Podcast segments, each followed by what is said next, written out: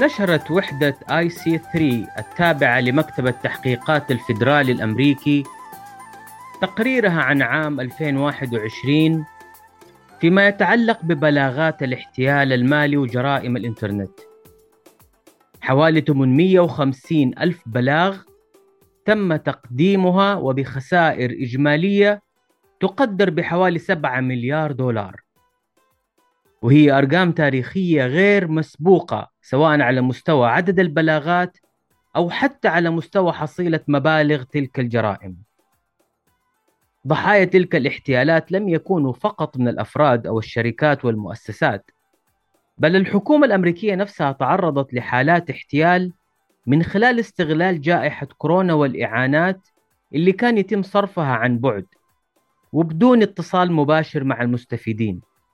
بسبب استمرار الحظر أو تنفيذ طلبات الإعانات عن بعد. حوالي 28500 حالة احتيال تم رصدها بهذا الخصوص.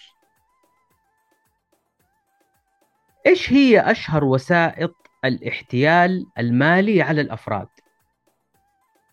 الهندسة الاجتماعية عبر التصيد الإلكتروني بالإيميل. رسائل البريد الإلكتروني هي واحدة من أكثر الوسائط شيوعا. أو ما نسميه ال phishing. لكن كمان في حالات أخرى مثل التصيد عبر الرسائل النصية ال SMS ممكن تبحثوا بالمسمى smishing لنتائج أكثر تحديدا. ويكون في هذه الرسائل النصية أحيانا روابط لمواقع تنتحل صفة المواقع الرسمية أو بوابات الدفع الشهيرة. هذا الانتحال اسمه pharming وفي التصيد كمان عبر الرسائل الصوتية ال voice messaging بنسميه vishing وده له كمان أيضا إحصائياته وعملياته. تحضرني رسالة صوتية شهيرة لفوزي شخصيا ب 300 ألف ريال. أنا اللي فزت ب 300 ألف ريال مو فوزي اللي, اللي رسل لي الرسالة. فوزي مين أساسا؟ المهم المهم سلسلة متاجر تجزئة شهيرة. تم انتحال صفتها من قبل أحد المحتالين. ممكن نسميه فوزي إذا أنتم مصرين. الرسالة كلها كلجات بسم الله والصلاة والسلام عليكم ورحمة الله. الحمد لله. أخي فزت. أنت ب 300 ألف ريال. جزاك الله خير. الحمد لله. ما شاء الله. أتصل فورا وأرسل رقم حساب ورقم هوية. استلام الجائزة. وإنا لله وإنا إليه راجعون. ما شاء الله. الحمد لله. تحس واحد بيجري يوم العيد في يده مولود وداخل بيه على عزاء. فوضى ورسالة تجيب الصداع. الضحايا المستهدفين نفسهم ماتوا من الضحك. لكن في سيناريوهات محبوكة وقدروا يستغلوا نقاط ضعف أو نقاط اهتمام بعض الأفراد سواء من حيث المعرفة التقنية أو المعرفة المصرفية أو الحاجة الملحة للمال أو مجرد الطمع أو الخوف من فوات فرصة عرض مميز أو صفقة من الخيال تنتشل الواحد من وضعه الحالي وتدخل به إلى عالم الثراء الفاحش. كل قصة وكل ضحية لها ظروفها. أهم شيء في جميع هذه القصص من وجهة نظري هو التوقف عن لوم الضحية ضحية عملية الاحتيال المالي لأنه آخر شيء ممكن ينفع أي طرف أو يساعد أي ضحية احتيال مالي هو توجيه اللوم له. هو عارف خلاص منتهي مستوعب بالمبالغ اللي انسحبت من حسابه أو بطاقته إنه وقع في فخ المحتال. ما هو بحاجة تنظير من أي أحد. المرة الجاية المرة الجاية حنتبه مو محتاج نصيحتك للمرة الجاية. اللي يحتاجه العميل في هذا الموقف هو السرعة الفائقة في الاستجابة عند الاتصال والتصرف بسرعة ومحاولة حجز المبالغ التي تم الاستيلاء عليها أو بذل الجهد المعقول في سبيل حجز وتحصيل تلك المبالغ. أنا بقول الجهد المعقول مو عشان أوجد عذر لأحد. أحيانا تتأخر البلاغات لأن العميل نفسه ما يكتشف أنه وقع ضحية إلا بعد عدة أيام مثلا. خصوصا في السيناريوهات المحبوكة والمطولة والمعقدة واللي تم تقديم إثباتات متعددة فيها للعميل وشهادات وإفادات واتصالات وممكن مكاتب ومراجعات. وفجأة يختفي كل أحد وتنقطع كل سبل التواصل وتكون الأموال تم تدويرها بين عدة حسابات وسحبها نقدا أو تحويلها خارج الحدود. تسليم شباك عبر مكاتب الحوالات السريعة مثلا أو عبر عدة بنوك أجنبية انتهاء بسحبها نقدا في محطتها الأخيرة أو تحويلها كمان لعملات رقمية. اللي مستغرب من موضوع العملة الرقمية التقديرات اللي تتحدث عن حصيلة الجرائم المالية اللي كانت العملات الرقمية طرف فيها. تتكلم عن مبلغ قريب من 75 مليار دولار سنويا. هو رقم يقترب من الحصيلة السنوية لتجارة المخدرات في أوروبا وأمريكا مجتمعين. 75 مليار دولار. المشكلة اليوم يقدر أي شخص يحصل على برمجيات خبيثة على ال dark web بدولار واحد فقط. ويرسلها attachment مع مع صورة أو مع ملف عبر الرسائل البريد الإلكتروني لأي شخص. يقدر يشتري كمان قوائم بإيميلات المستهدفين. تبغى مليون إيميل موجود. يتحول الشخص لهاكر فظيع في خمسة دقائق. ده حتى أسهل من تعلم اللغة الإنجليزية في سبع أيام. في آخر 20 سنة تضاعف عدد عمليات الاحتيال المالي 17 مرة. متوسط خسائر عمليات الاحتيال المالي اللي بتكون ضحيتها البنوك نفسها حول العالم في كل عملية احتيال حوالي 18 مليون دولار. في عام 2013 تم اختراق بيانات 3.5 مليار مستخدم على ياهو ولم يتم الإفصاح عنها إلا في 2016 2014 تم اختراق بيانات 145 مليون مستخدم على اي باي سوني أتعرضت لعدة عمليات اختراق. في 2011 مثلا نتج عنها سرقة بيانات 77 مليون مستخدم. واخترقت في مناسبات أخرى. شبكة سوني نفسها في 2014 و2017 في 2018 اكتشفت تويتر تسريب بيانات 330 مليون مستخدم. password اتهم كانت محفوظة بدون ترميز على log file من من الملفات الموجودة عندهم. بلغوا عملائهم يغيروا password اتهم لما اكتشفوا المشكلة طبعا وبيقولوا ما لاحظوا أي استخدام غير طبيعي. password ات غير مرمزة. نفس المشكلة تعرضت لها أو قريب منها مايكروسوفت في 2020 عالجوا الثغرة السيبرانية كانت موجودة لمدة شهر كامل. بيانات خدمة العملاء لمدة 14 سنة بما فيها إيميلات العملاء مكشوفة. قبل سنتين انتشرت أنباء كمان عن تسريب رقم قريب من 4 مليار رقم جوال. بالتحديد 3.8 مليار رقم جوال لمستخدمي تطبيق كلاب هاوس هو تطبيق استحوذ في وقت قصير جدا على اهتمام كثير من المتابعين لأنه تزامن صعوده مع جائحة كورونا استغلال الأفراد للوقت في حضور جلسات دردشة ونقاشات صوتية مشاهير الهبد في جميع المجالات. نفى وقتها الرئيس التنفيذي تسريب البيانات لكن وجود عينات متاحة على ال dark web من هذه البيانات ترجح حصول هذا التسريب. هذه المعلومات الهدف منها الإجابة على سؤال المحتالين هذول كيف بيوصلوا لنا من فين بيجيبوا أرقام تلفوناتنا وإيميلاتنا؟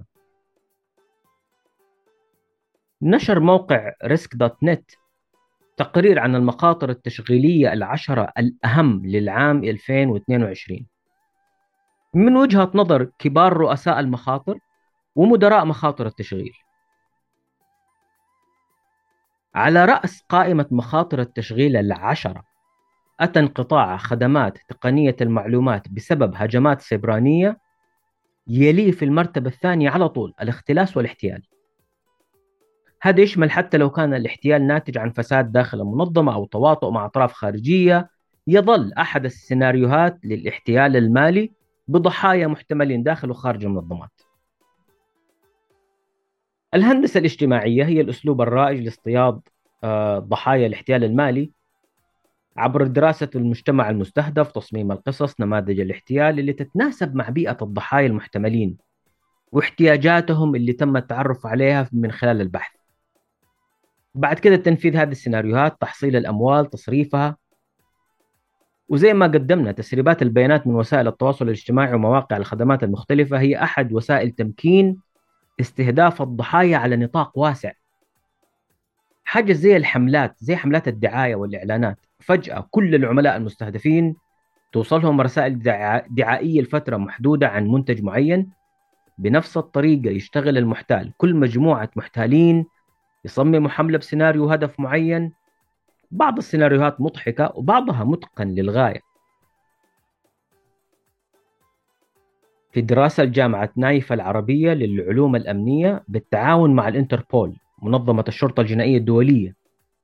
هذه الدراسة منشورة في يناير من عام 2022 كشفت عن خمس أساليب احتيالية رائجة للاحتيال المالي في العالم العربي.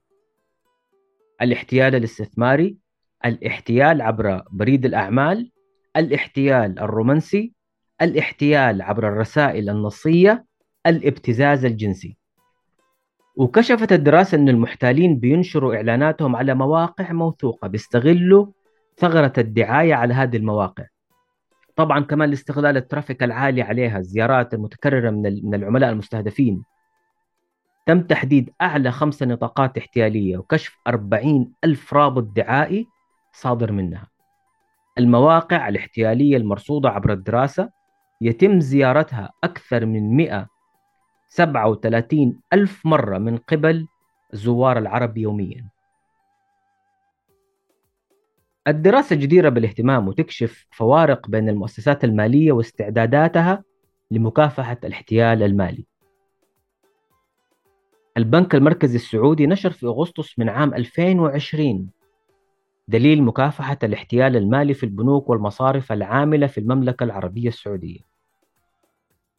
هذا الدليل يوفر الحد الأدنى من المتطلبات التي يجب على البنوك والمصارف الالتزام بها من حيث السياسات والإجراءات ويوضح الواجبات والمسؤوليات وهيكلة مهام مكافحة الاحتيال المالي.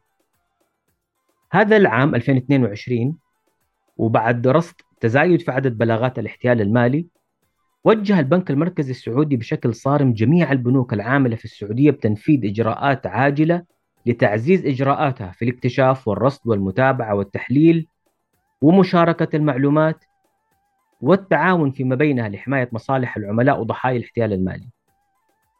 شملت تلك الإجراءات ضوابط إجرائية وتقنية وتوعوية لمساعدة العملاء في التنبه لأي سلوك غير مصرح به على حساباتهم وتسهيل عملية الإبلاغ عن الاحتيال المالي وإيقاف البطاقات البنكية. أيضا شملت تلك الإجراءات حملات متكررة للتنبيه على سيناريوهات الاحتيال المالي على سبيل التوعية واللي تم رصدها سواء عبر آه، شكاوى العملاء وبلاغات الاحتيال أو بالسيناريوهات المختلفة اللي تم التعرف عليها. من المبادرات التي آه، أعتقد أني لازم أنوه عنها افتتاح محافظ البنك المركزي السعودي مركز العمليات المشتركة لمكافحة الاحتيال المالي قبل عدة أسابيع في آه، منتصف أو آخر أسبوع من من جولاي 2022 وهو مبادرة مشتركة بين البنوك السعودية اللي بتشتغل آه، كلها مع بعض تحت سقف واحد لتسريع وتيرة التعاون في مكافحة الاحتيال المالي.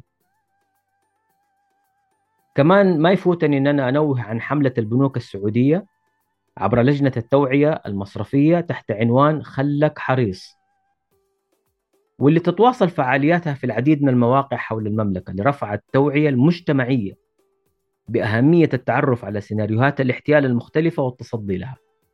خلك حريص. وتفاعلا مع مع هذه الحملة أشارك معاكم نصائح من خبرتي الشخصية. نشرتها في أكثر من منصة. أعيدها هنا كمان للفائدة مرة أخرى. الخط الأحمر الأهم.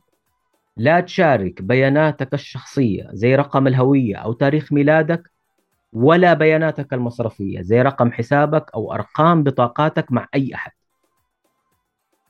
تأكد من فحص أجهزتك الهاتفية كمبيوترك الشخصي التابلت حقك عدم تسجيل بيانات حساباتك المصرفية واسم المستخدم وكلمة المرور على أي منها.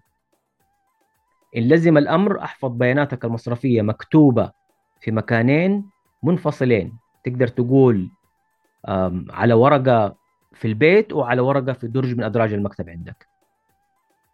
بأقل الإشارات التعريفية عشان تتذكرها في الحالات الطارئة. تأكد من تفعيل خواص الدخول الآمن وتفعيل معيار التحقق الثنائي على كافة خدماتك الرقمية. يكون دخولك برمز سري وفوقه كمان رسالة نصية أو تطبيق زي Google Authenticator البريد الإلكتروني أحد أهم وسائط الاحتيال. تأكد دائما حماية بريدك الإلكتروني بكلمة مرور قوية مع تفعيل معيار التحقق الثنائي. وكمان لا تدخل على إيميلك من أكثر من جهاز. حدد عدد الأجهزة اللي تدخل بيها على بريدك الإلكتروني. عشان لو صار أي دخول غير مصرح به لا سمح الله تقدر تعرف بسرعة من الإشعارات اللي تجيك من مشغل الإيميل.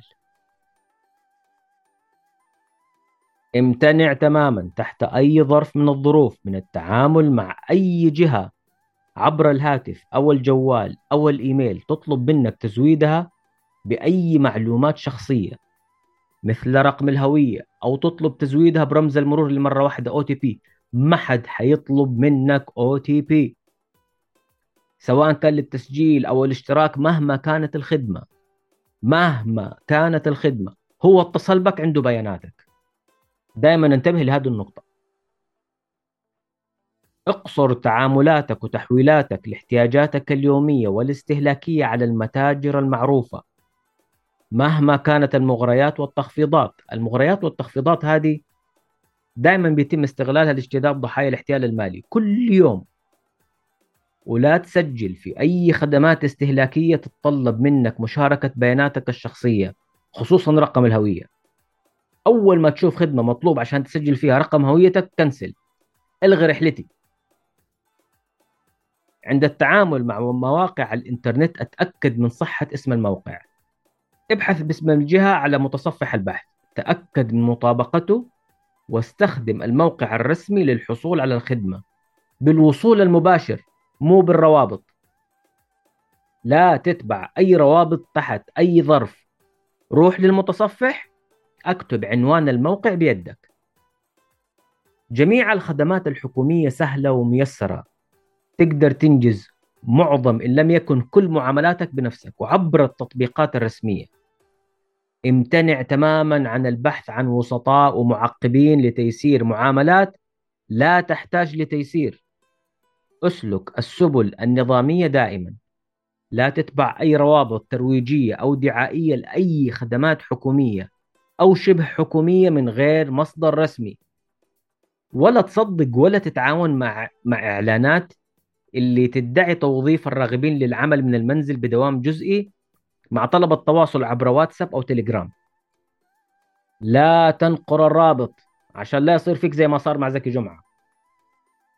واللي يقول لك دوام بدون حضور أو استخراج رخص بدون حضور تصفير ضريبة إلغاء غرامات تعديل حالات بدون الحصول على اللقاح استخراج قروض من البنوك كل هذه علامات حمراء انتبه منها.